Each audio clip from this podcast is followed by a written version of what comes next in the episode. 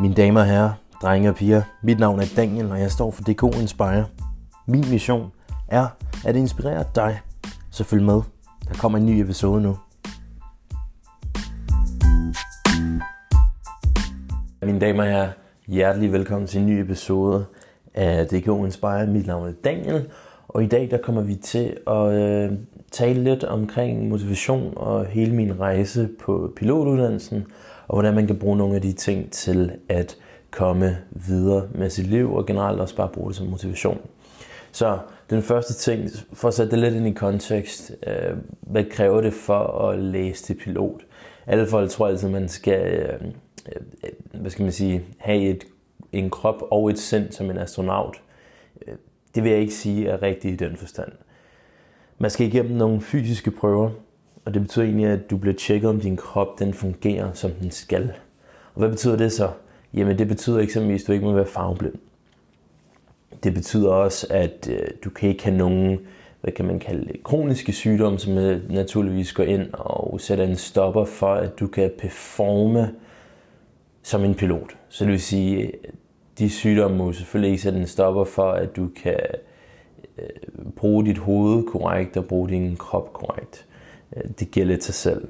Øh, det man også skal tænke over, det er, at man kommer også til et punkt, hvor man har en masse øh, liv om bag Og der skal ens krop virke optimalt. Så man skal igennem en, en, en class 1 medical, hedder det helt specifikt.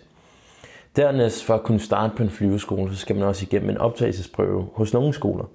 Så det her det kommer an på, hvilket land man gør det i. Helt specifikt den skole, jeg gik på, som hedder Center Pilot Academy, der skulle man igennem en optagelsesprøve, og i den optagelsesprøve, så var der et personligt interview.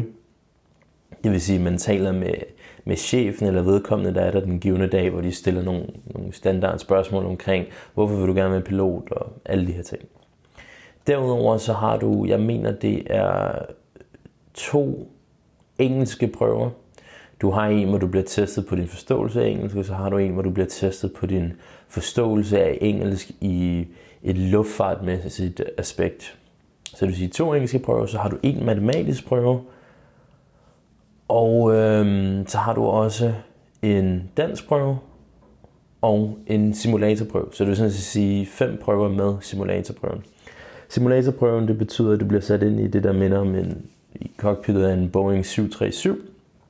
Den typiske øh, passagerflyver, if you will. Så bliver du sat derind, og så får du at vide nogle ting, du skal gøre. Det kan simpelthen være, at han beder dig om, at, altså instruktøren beder dig om at hive rettet, som man kalder det, så alle forstår det, yoken eller rettet tilbage, så næsen det løfter sig, eller presser det fremad, så næsen den sænker sig, og sætter en given thrust, altså gas setting, speederen if you will. Det er lidt om optagelsesprøven. Når man så er kommet igennem den på en succesfuld måde, jamen øhm, så begynder det rigtige arbejde, for så begynder man på flyveskolen. Man har øh, 12 prøver, man skal igennem 12 teoretiske prøver, man skal igennem, og en to, tre, i hvert fald tre flyveprøver. For mit vedkommende, så var de teoretiske prøver de sværeste. Øh, udfordringen ved det, det er, at du har en hel masse information, du skal have ind i dit hoved på et meget kort stykke tid. Det er lidt ligesom alle andre øh, uddannelser øh, til en vis grad. Øh, den eneste forskel er bare, at de her 12 fag, dem skal du igennem helst på 9 måneder. Hvad er det så for nogle fag? Jamen det er sådan nogle, som hedder airlaw, altså loven, der gælder, når man flyver. Man skal igennem metrologi, man skal igennem aerodynamik, performance og øh, mange andre ting. Det var mit største, min største udfordring øh, på den her uddannelse. Og jeg tror, det er meget forskelligt fra person til person, hvordan man, man ligesom griber det her an. Men nogle af de ting, jeg lærte på øh, flyveskolen, det var helt bestemt disciplin. Jeg vil altid sige, at jeg har haft et, et, et fint niveau af disciplin, men lige præcis her, der bliver man udfordret på en anden måde. Fordi på flyveskolen, der kan man ikke bare, man kan ikke bare talk, øh, man kan ikke bare tale derud af. Man bliver nødt til at følge op med resultater. Og det er meget simpelt, hvis, hvis man ikke forstår, hvad øh, man nu eksempelvis laver i metrologi, jamen så får man en dårlig karakter til de løbende prøver, som der nu er der. Man kan ikke få en dårlig karakter til den endelige prøve, for det er den endelige prøve, der, der, der betyder alt her. Så det vil sige, man bliver nødt til at have, jeg blev i hvert fald helt klart nødt til at ude, øh, hvad skal man sige, jeg blev nødt til at forme en, en større disciplin i forbindelse med de ting, jeg gik igennem. Og det var en fantastisk ting, for det lærte mig egentlig bare at sætte, at jeg skulle sidde ned og så kigge på tingene, indtil jeg forstod det. Så jeg har aldrig været øh, den person, der kunne kigge på det en gang, og så have en fotografisk hukommelse, og så bare huske det fremadrettet. Og sådan tror jeg også, de fleste egentlig har det. Der er altid nogen, som, som klarer det helt fantastisk, men jeg var ikke en af dem. Så det betød egentlig bare, at jeg blev nødt til at sætte mig ned. Det kunne være, det tog de andre to timer. Det kunne være, det tog mig fire timer. Jeg blev nødt til at sætte mig ned, indtil jeg forstod det. Og sådan var det bare. Og på den måde så udviklede jeg disciplinen for at blive en god pilot. Fordi så var formålet lige pludselig, at jeg skulle forstå det, frem for at jeg skulle igennem det. For hvis jeg ikke forstod det, så kunne jeg ikke blive pilot.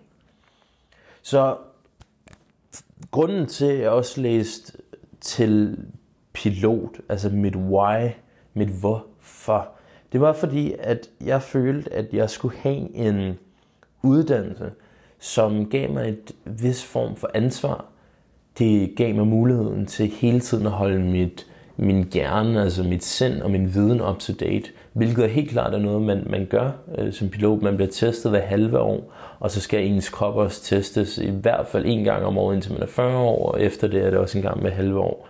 Så man skal hele tiden holde sig øh, current, som vi kalder det. Man bliver nødt til at holde sig up to date, både fysisk og psykisk. Og det var en af de ting, som øh, tiltalte mig rigtig meget. Der er også chancen for, at man kan komme rundt i hele verden og flyve. Altså, man får lov til at rejse med det her job. Det tiltalte mig også super meget. Og generelt, så er det en industri og et job, som tilbyder rigtig mange muligheder. Man kan i teorien arbejde verden over. Og man kan sige, at få familie med på den, det er måske ikke den nemmeste. Men det er en mulighed. Så det er en global arbejdsplads. Så det er mit hvorfor. Da jeg så havde mit hvorfor, så var det det, jeg tog med mig ind til optagelsesprøven. Det var det, jeg tog med mig ind til øh, de teoretiske prøver. Og det var vigtigt, fordi det hjalp mig med at, at forblive fokuseret. Det hjalp mig med at holde fokus. Det hjalp mig med at, at være fokuseret på det her slutmål, hvilket var at komme igennem uddannelsen på sådan en måde, at jeg selv kunne stå inden for det. Det gør sig en mere passioneret omkring ens mål. Når man har sit hvorfor defineret, så ved man, hvad det er, man skal gøre, fordi det betyder meget for en selv, for man er afklaret med, at det her, det er vigtigt. Vi talte meget under uddannelsen i noget, der hedder Human uh, Performance and Limitations, altså hvordan kroppen og sindet reagerer under pres, helt specifikt under stress, at når man bliver stresset, så får man det her, der hedder tunnelsyn.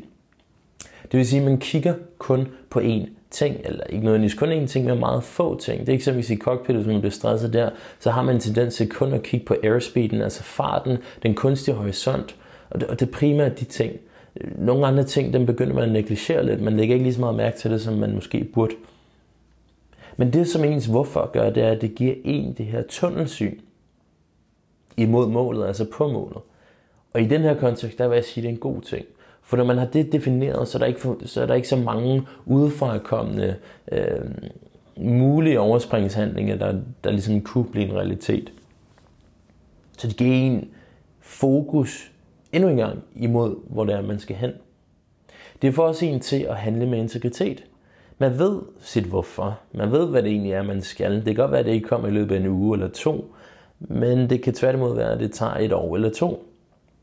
Men det ændrer ikke på, at man godt ved, hvad det er, man skal. Man har sin integritet, og man ved også godt, at hvis man gør noget, som man ikke skal, så har man den der følelse dybt ind i maven og op i ens hoved, som siger, ah, Daniel, var det måske lige det her, du skulle have gjort den her gang? Derudover så, så opfordrer det også til tillid med en selv, tror jeg. Jeg tror, hvis man gang på gang begynder at handle ifølge øh, med den her integritet, som man har bygget op, så skaber man også en vis tillid til sin egne evner og til sin egen person. Man kan naturligvis også kalde det en vane. Altså det går hen og bliver en vane, at man skal handle på sit hvorfor, hvilket er en rigtig vigtig vane. Men jeg tror også at have tilliden til, at man træffer sine egne rigtige beslutninger, er mindst lige så vigtigt. Og det er endnu et positivt afkom af, af at kende sit hvor for. Og i sidste ende, mine damer og herrer, så gør det bare livet sjovere.